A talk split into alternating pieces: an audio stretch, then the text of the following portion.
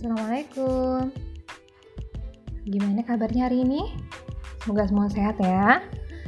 Nah, kalau kemarin kita bahas tentang masa pubertas, hari ini saya ingin bahas tentang yang namanya organ reproduksi.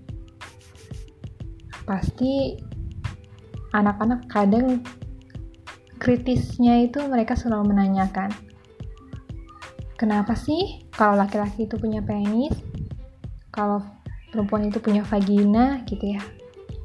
Kadang kita bingung ya, gimana sih cara menjelaskan ke anak gitu. Nih, kita akan mulai dengan yang namanya organ reproduksi. Yang disebut penis itu apa sih?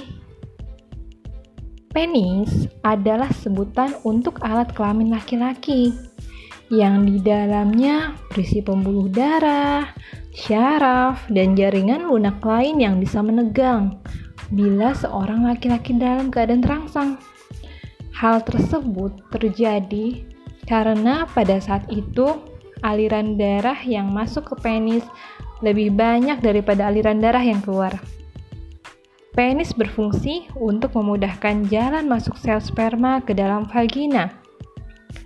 Di samping itu, penis juga berfungsi untuk menyalurkan air seni atau air kencing keluar tubuh. Jika menanyakan tentang ukuran penis, maka itu sangat tergantung pada ukuran tubuh seseorang. Biasanya sih seimbang sama ukuran tubuh seseorang. Rata-rata penis orang Asia berukuran 6,5 sampai 12,5 pada saat normal dan berukuran antara 10 sampai 20 cm pada saat menegang atau ereksi. Namun, penis nggak dilihat dari besar kecilnya ukuran, tapi apakah penis memiliki fungsi seperti yang disebutkan di atas tadi? Nah, kalau vagina itu apa? Vagina itu sebutan untuk organ kewanitaan yang merupakan bagian dari alat reproduksi anak perempuan. Ia berfungsi sebagai jalan keluar darah menstruasi, untuk melakukan hubungan seks, dan untuk melahirkan anak. Berbeda dengan penis yang dimiliki anak laki-laki, alat kelamin anak perempuan yang disebut vagina ini berbentuk seperti lubang. Maka dari itu, sering disebut sebagai lubang vagina. Panjang lubang vagina pada masing-masing orang berbeda. Rata-rata antara 15 sampai 20 cm. Subhanallah ya. Kemudian apa sih gunanya alat reproduksi? Jika dilihat dari artinya, reproduksi berarti menghasilkan kembali atau meneruskan keturunan. Jadi, alat reproduksi gunanya untuk menghasilkan keturunan dalam rangka melestarikan generasi penerusnya atau bahasa gampangnya untuk punya anak. Apa bedanya organ reproduksi perempuan dengan laki-laki? Tentu saja beda ya. Alat reproduksi laki-laki terdiri dari kantung zakar atau skrotum, testis, atau buah zakar yang fungsinya memproduksi eh, sel sperma.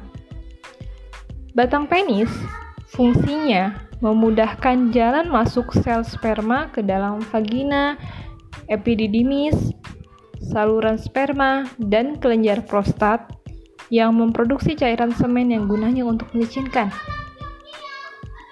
Sedangkan alat reproduksi perempuan terdiri dari vulva atau bibir vagina yang merupakan bagian luar dari vagina. Kemudian lubang vagina yang merupakan tempat keluarnya darah menstruasi dan tempat berhubungan seksual Lalu rahim yang merupakan tempat elastis untuk janin tumbuh dan berkembang selama 9 bulan. Selain itu, ada saluran telur yang merupakan saluran yang akan dilalui telur dari indung telur ke rahim. Dan juga ada indung telur yang terletak di kedua sisi rahim yang berfungsi untuk menghasilkan telur. Nah, jadi kalau dulu kita pernah belajar biologi, kebayang ya kayak gimana gambarnya. Nah, kenapa di bawah alat kelamin laki-laki ada telurnya? Kalau anak bertanya seperti itu gimana nih? Nah, yang biasa disebut telur itu nama ilmiahnya adalah testis atau buah zakar. Hampir semua laki-laki normal memiliki dua testis yang diwadahi kantung bernama skrotum. Di dalam testis inilah sperma diproduksi. Terus, apa hubungan otak dengan alat kelamin? Otak kita memiliki bagian-bagian depan fungsi yang berbeda-beda.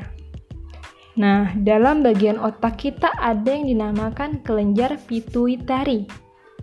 Letaknya kira-kira di dekat telinga. Ketika kita sudah saatnya memasuki masa puber, kelenjar pituitari merangsang produksi hormon testosteron pada laki-laki dan estrogen serta progesteron pada perempuan.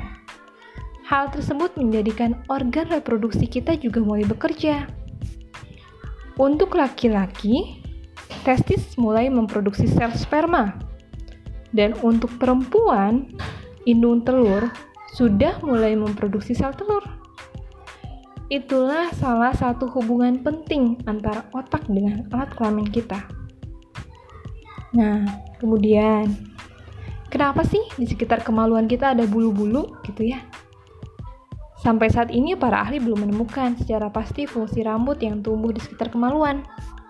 Penelitian hingga saat ini menyatakan bahwa fungsi rambut pada kemaluan adalah untuk menjaga suhu sekitarnya agar tetap stabil menjaga suhu dalam testis agar sel sperma tidak mati. Itu untuk laki-laki ya. Juga untuk menjaga keseimbangan hormon. Rambut atau bulu-bulu yang tumbuh di sekitar tubuh kita juga berfungsi untuk menghantarkan panas keluar dari tubuh kita. Di samping, ia juga berguna untuk membuat daerah kemaluan tidak terjadi iritasi. Jadi, kita harus menjaga kebersihannya juga. Oke, itu saja untuk hari ini. Terima kasih. Wassalamualaikum.